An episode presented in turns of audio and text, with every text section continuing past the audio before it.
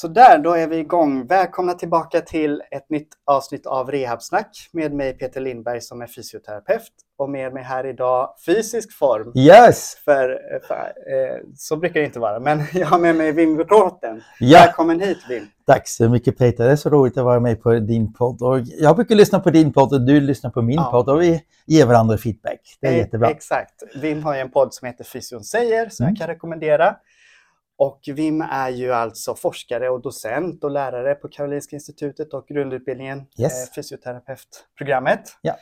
Yes, och du eh, forskar om flera olika saker. Ja, Eh, men bland annat så är du ju med på en del systematic reviews som är dagens tema.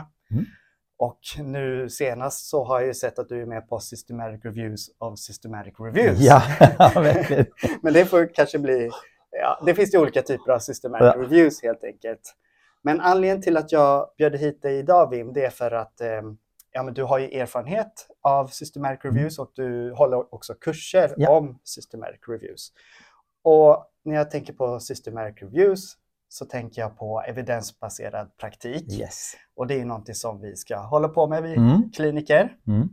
Ehm, och det skulle man också kunna prata om, vad, är det, vad innebär det? Mm. Men för mig innebär det att man använder den bästa tillgängliga vetenskapen då. Precis. Och där fyller ju Systematic Reviews en viktig funktion. Ja. Att den liksom sammanställer Ja. individuella studier och Mm. eh, säger något om vad vi bör göra. Precis. Men det kanske också finns saker som man behöver tänka på som kliniker när man Mm. läser systematic reviews. Alltså, Ja. Kan man blint lita på dem eller inte? Och det är det jag tänker att vi ska komma in Åh, på lite. roligt. Ja, men eh, jag hänger på. Precis som du säger, jag har en kurs i systematisk review för doktorander då, som ligger på doktorandnivå. Jag har hört ibland vissa som vill ha masternivå, vi kan inte undervisa. Nej, ja, den ligger på doktorandnivå. Men vi borde ha egentligen en kurs på avancerad nivå för kliniker. För att jag tycker att systematiska reviews är, precis som ni säger, en del i det evidensbaserade arbetet som är då lite fler saker, kliniska erfarenheter och patientens eh, saker. Men den är vetenskapliga, var hittar man den då? Kan man googla fram den eller räcker det med, med att läsa en vetenskaplig studie och så, ja men nu har vi väl stöd för det. Men eh, evidensbegreppet är ganska intressant och eh, systematiska reviews hjälper till där. Eh, jag vet inte om ni vet om ni har hört talas om GRADE. SBU eh, brukar göra GRADE. Så evidens brukar man ha i fyra nivåer då. Vi har stark, moderat eller så måttligt. Och sen har man svag eller weak eller limited på tredje nivå. Och sen har man då eh, på sista har man då att det inte finns någonting då. Eh, så eh, även om man kommer då, så man, istället, man brukar har ett plussystem, man har fyra plus, eller tre plus, eller två plus eller ett plus. Så ett plus är då egentligen ingenting. Ibland har man 0, 1, 2, 3 eller ja, så det blandas lite. Eh, tidigare har man haft level 1 och 2 och 3 och 4. Sen börjar man om level 1A och level 1B och det blir ganska krångligt. Så jag tycker grade-systemet för evidensen är ganska bra. Och grading eh, bygger verkligen på systematiska reviews då.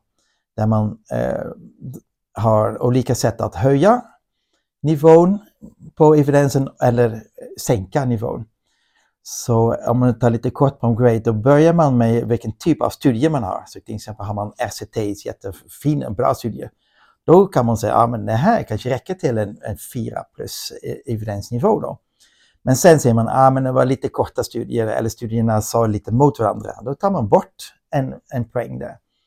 Um, och sen kommer man ner till 3 plus eller 2 plus eller kanske har man något som heter publication bias, att man märker att det är bara, bara positiva studier som, är- som är publicerade och inte de andra studierna. Ja, men då måste, måste man ta bort ett, ett till.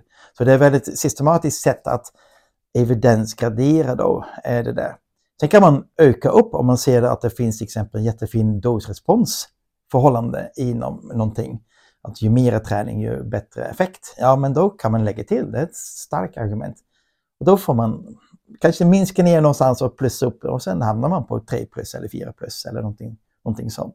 Så eh, GREAT-systemet som är det evidensen som vi ska använda som kliniker bygger verkligen på analyser av systematiska reviews. Just det. Tack för den utläggningen. Det är jättebra att känna till. Ehm, men om vi eh, skulle börja med att definiera eller om du skulle kunna redogöra för vad är en systematic review och vad är dess syfte? Just det. Ja, det är väldigt många eh, olika typer finns det. Jag tror jag har en lista, när jag undervisar, jag listar på 17 olika typer av, system, av, av reviews. Mm, eh, och några är systematiska och några är lite mindre systematiska. Eh, men det, det, viktigaste är att man har systematiskt, att man verkligen bör, börjar med en otroligt eh, tydlig frågeställning. Det där det är det viktigaste. Och då brukar man jobba då med olika förkortningar där man eh, har eh, till exempel PICO är någonting som man brukar använda, eller PIO. Och PICO står för Population, Intervention, Control och Outcome. Så alla de här fyra sakerna måste vara definierade.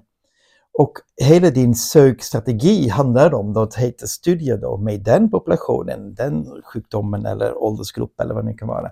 Den interventionen om man är ute efter interventionsstudier. Eh, och så hoppas man att det finns en sån kontrollgrupp. Vad har den gjort då? Och sen outcome, är det smärta, funktion eller vad är det för outcome? Så alla de här fyra sakerna måste vara med i din sökning. Och då blir det väldigt strukturerat, så man har fyra block att söka på. Om man inte gör interventionsstudier, då kanske tittar man på riskfaktorer inom ergonomi till exempel. Då pratar man om PO då istället, så har man population, exposure och outcome. Och så finns det då massor av olika, sådana, olika förkortningar. Man kan göra systematisk review på kvalitativ studier också. Och då pratar man om något som heter Spider då, som att man har setting och vad är det för olika saker. Så det där är, är det första steget att man måste ha en väldigt specifik frågeställning. Och metoden är det ju också, kan man säga, systematiskt för alla systematiska reviews, att man går igenom sökningen, att man gör den då eh, med, i flera databaser, helst ja, tre, fyra stycken. Man har då en selektionsprocess, man har skriver då utifrån sina pk, ordentliga inclusion exclusion, vad vill jag ha, vad vill jag inte ha. Så läser man title abstract och så bör man göra det med minst två samtidigt. Och så, eh, så bestämmer sig, eh, det är som, en, eh, som på Tinder, swipe, left, swipe right. Så den ska in, den ska ut. Och så, så jämför man med sin, med sin eh, kollega. Så, ja, men du tyckte att den ska in, jag tycker att den ska ut. Och sen dis diskuterar man. Då brukar man ha en tredje reviewer med. Så det är ett verkligen teamarbete det här. Man kan inte göra det systematisk review ensam. Sen har man då bestämt sig vilka studier man ska läsa eh, och då läser man på fulltext. Och då märker man, nej, det var fortfarande fel eller kanske duplicates. Det var samma, samma population men de har skrivit två artiklar om det. Ja, det ska vi inte ha både med. Um, och så um, gör man olika uh, grejer. Även här läser man i, i två steg. Sen har man bestämt sig innan och man brukar skriva ett protokoll egentligen innan man gör en studie, precis som vanligt. Man har bestämt sig vilka data man vill, man vill ha. Så det märker man när man läser den, den fulltexten. Nej, men den här har inte preciserat den data som jag vill ha. Det kallas då för data extraction-fasen där man går igenom alla de här data som man har bestämt. Jag vill ha före eftermätning eller jag vill ha p-värde eller jag vill ha någonting sånt. Så man interventionen måste, måste vara, vara beskriven. Och även den data extraction fas gör man i, i dubbel. Så det är otroligt mycket jobb. det, det, man tror att jag gör en litteraturstudie för att det är lättare. Nej, SRT är naturligtvis väldigt jobbigt att göra, men eh, en sån här um, systematisk review är ganska jobbigt också. Sen är det äntligen dags då för att göra en analys av sin data. Och det kan man göra det kan man säga två sätt. Antingen beskriver man då i antal studier, ja, fyra av tio studier hittar positiva effekter eller två av tre hittar negativa effekter eller någonting sånt.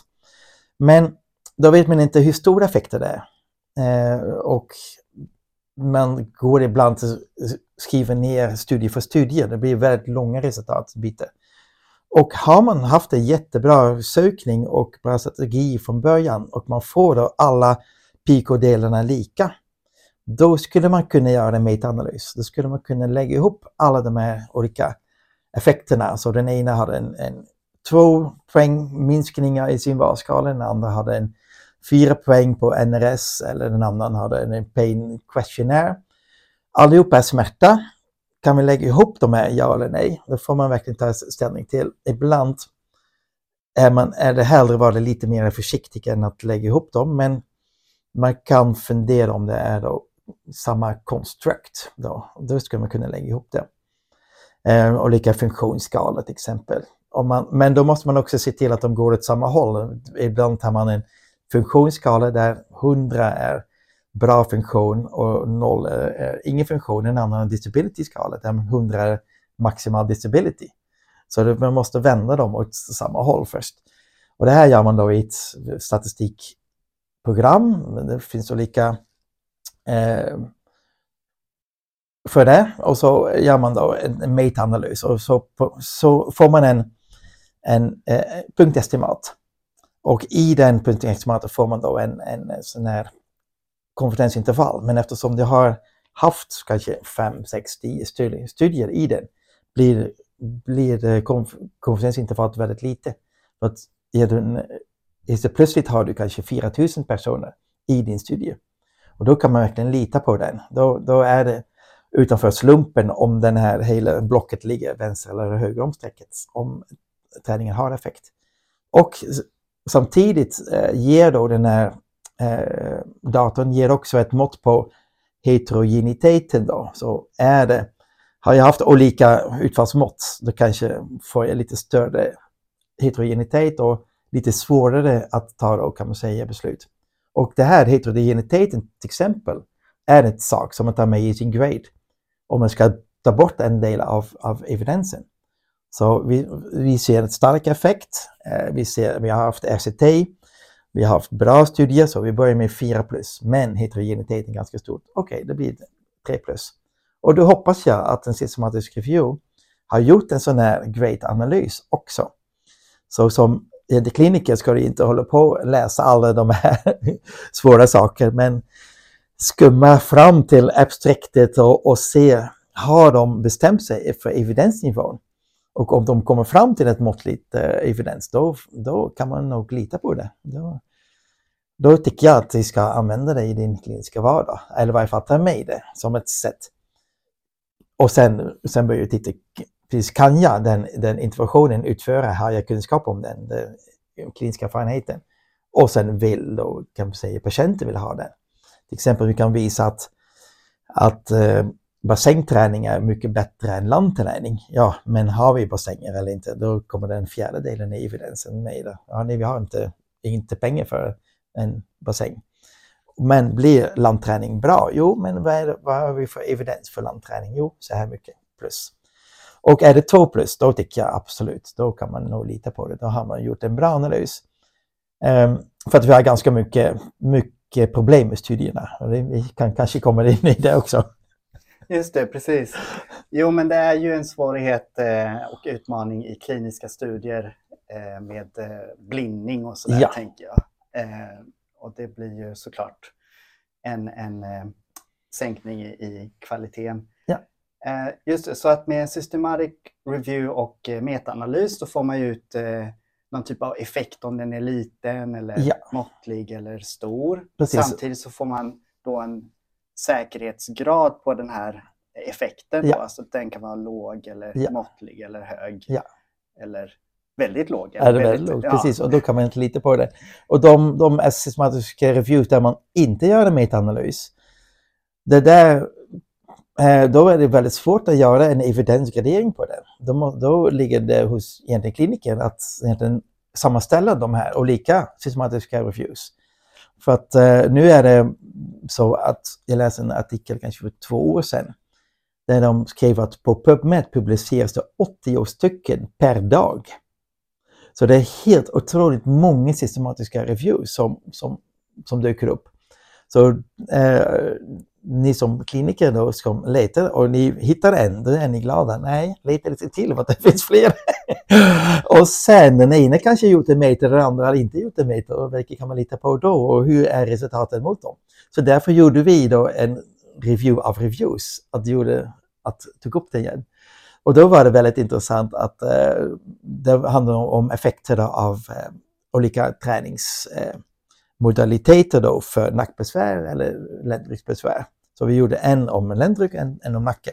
Och för nacke eh, tittade vi då på eh, systematiska reviews av yoga. Eh, och då eh, hittade vi sju stycken eh, systematiska reviews. Och alla byggde på fem stycken RCTs. Så det var fler reviews än RCTs. och då tror jag att vi har ett litet problem. Eh, så eh, var lite kritisk fortfarande och ha den här eh, handbromsen i när ni läser. Så, äh, vänta, nu drar de jättestora växlar av det här. Så för, ha med magkänslan hela tiden när ni läser. Just det.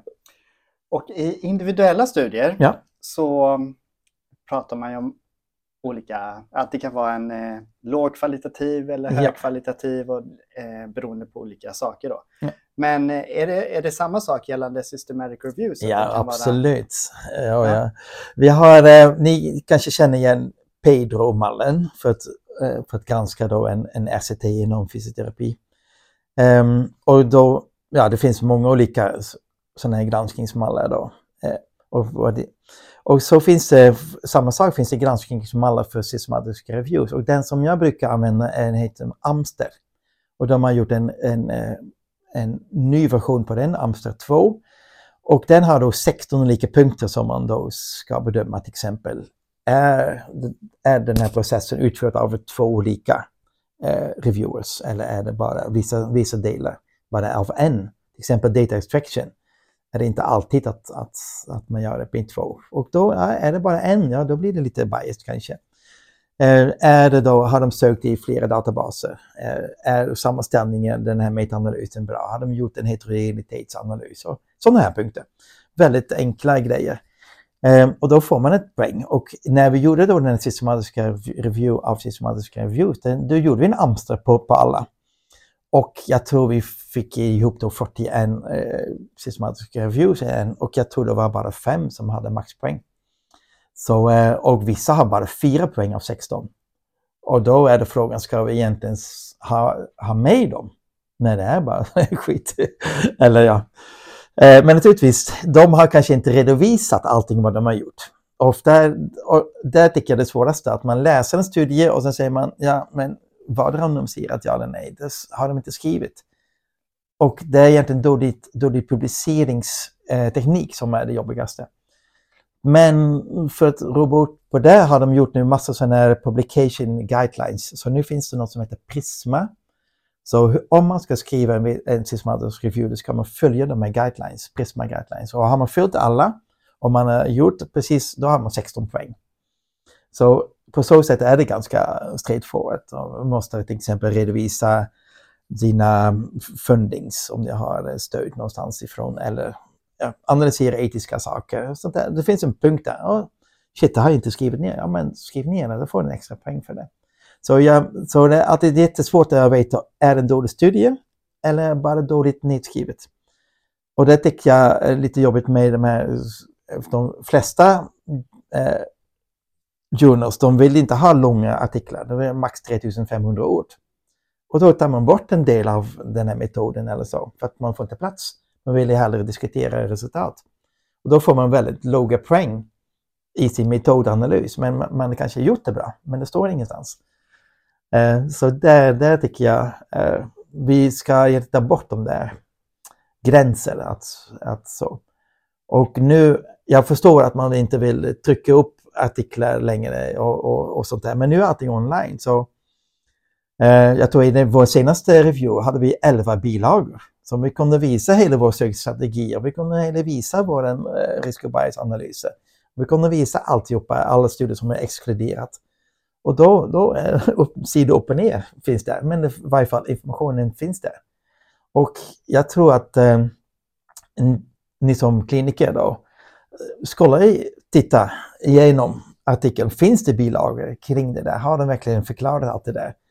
Då, det känns en, mer en sån trovärdighet ökar då i, i det.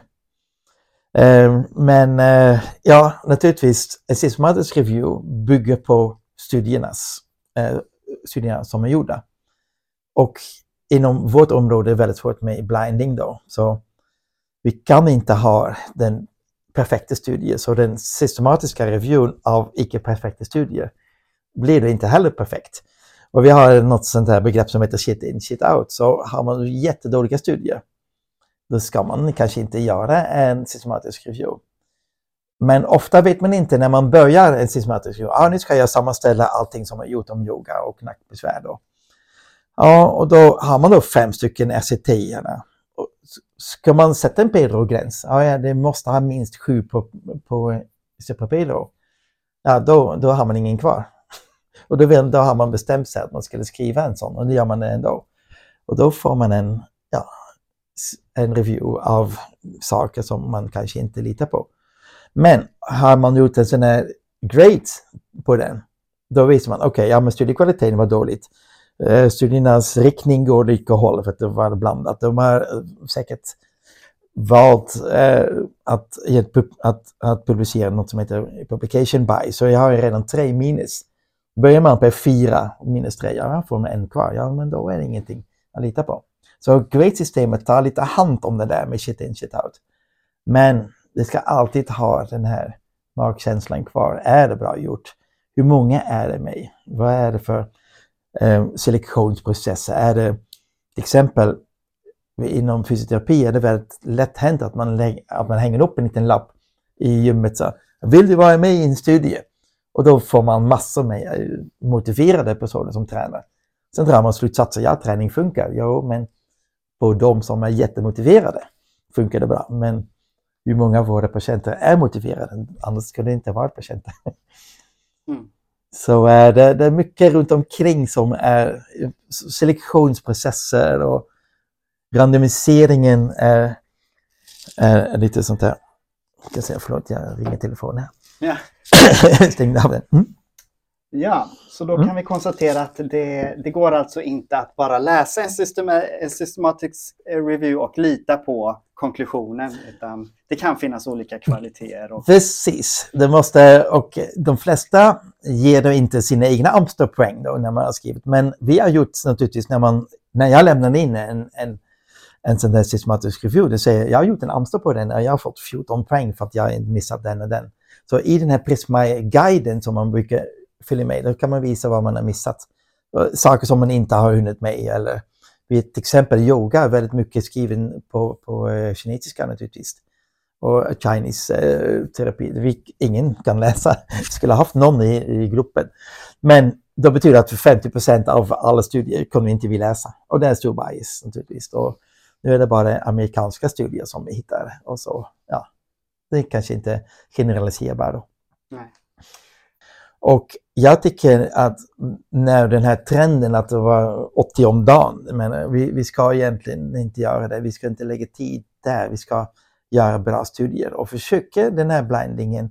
Man kan eh, i varje fall, den som utvärderar behöver inte veta. Så i varje fall en, naturligtvis patienten som tränar vet att, att, den är, eh, att den tränar. Men vi skulle kunna göra två olika typer av träning och ingen vet vilken som är interventionsgrupp och vilken som eh, eh, inte interventionsgrupp. Och så har vi lyckats med, vi har low dose versus high dose till exempel. Då, alla, fick, alla fick då en träning och de visste inte om det var hög eller låg.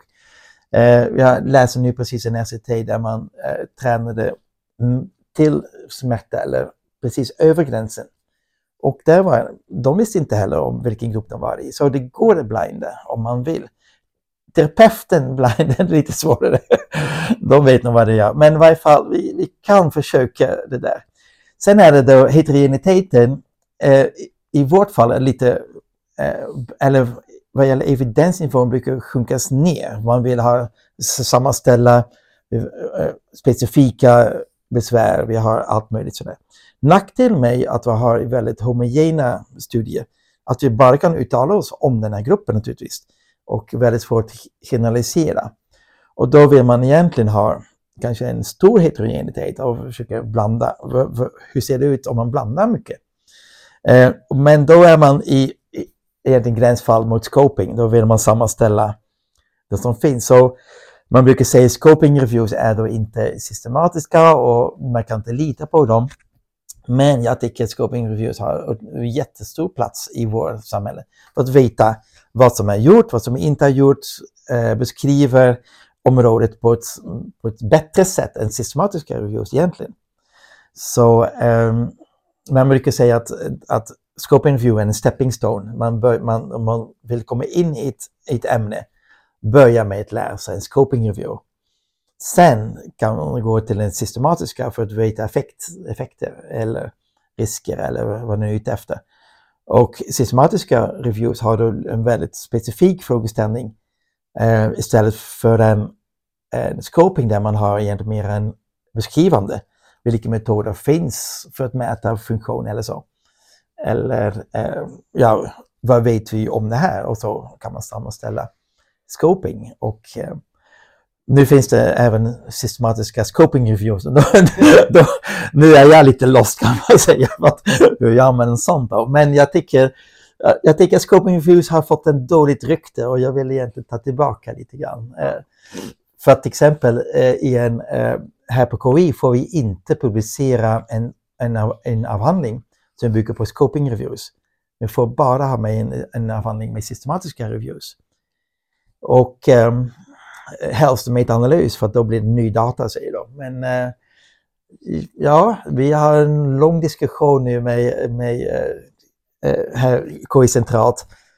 Vi får till exempel ha, inte ha eh, en hel avhandling som bygger på fyra stycken systematiska reviews. Eh, det vill vi inte, men i andra universitet får man. Och i Holland till exempel är det nästan nästan krav att man ska börja med en systematisk review i början av, av eh, doktorsutbildningen. Eh, för att då kommer man verkligen in i ämnet och läser man allting. Så jag tycker det är väldigt eh, bra att börja med det. Medan här på KI är lite mer så att nej, men någon annan har skrivit det, det är inte, det är inte något nytt material. Men eh, man, det ändras i varje fall lite grann. I varje fall. Och mm. Vi får ha en eh, systematisk review i, i en avhandling. Okay. Ja, vi ska börja avrunda lite här. Okay. Men jag tänkte, har du några avslutande tips för kliniker där ute? Eh, hur man ska tänka kring när man läser en systematisk review? Har du några tips? På... Ja, jag, jag tänker att eh, först måste du tänka eh, vil, PICO också. Vad är det för population som du är intresserad av? Vad är det för, in, för intervention? Om det är nu intervention du är ute efter. Eller är det, är det ute efter behandlingsmetoder? Ska jag, äh, eller diagnosmetoder är det efter det. Så dina PICO ska du ha lite koll på. Outcome brukar man inte tänka på. Vad är det för utfallsmått som du är ute efter? Är det rörlighet, styrka, funktion, livskvalitet? Vad vill ni veta egentligen? Så jag tror om du har koll på dina egna eh, grejer, inte bara skumma igenom en artikel. Men om du letar, det är mer specifikt, det tror jag. Sen ska eh, är det viktigt att vi förstår hur en vetenskaplig artikel är uppbyggt. Och det är ibland, om jag märker ni termin ett nu som jag tvingar läsa artikel, de fastnar. Det tar flera dagar att gå igenom en artikel medan jag kan läsa den på fem minuter. Och då måste man förstå vad, vad kan jag läsa, var någonstans. Jag läser aldrig från första ordet till sista. Men man börjar in, strax innan, in, eh, innan eh, metoden börjar slutet av introduktionen. Där brukar det stå syftet med studien. Titta på den. Titta jättenoga på titeln. Vad är det för pikodelar som är i titeln? Gå till sista raden i abstract. Vad är det för slutsats? Sen drar de fram, ja men det är låg evidens. Ja men varför då? Då går inte metoden. Hur har de gjort? Hur har de gjort en grade? Eller inte?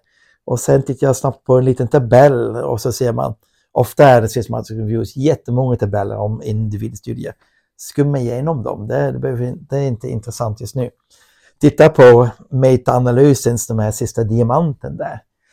Eh, så jag, lät, jag låter blicken gå upp och ner rakt igenom och sen abstract igen och så future studies. Så, det, så läser jag en vetenskaplig artikel och på tio minuter har jag fått en ganska bra bild av en systematisk review.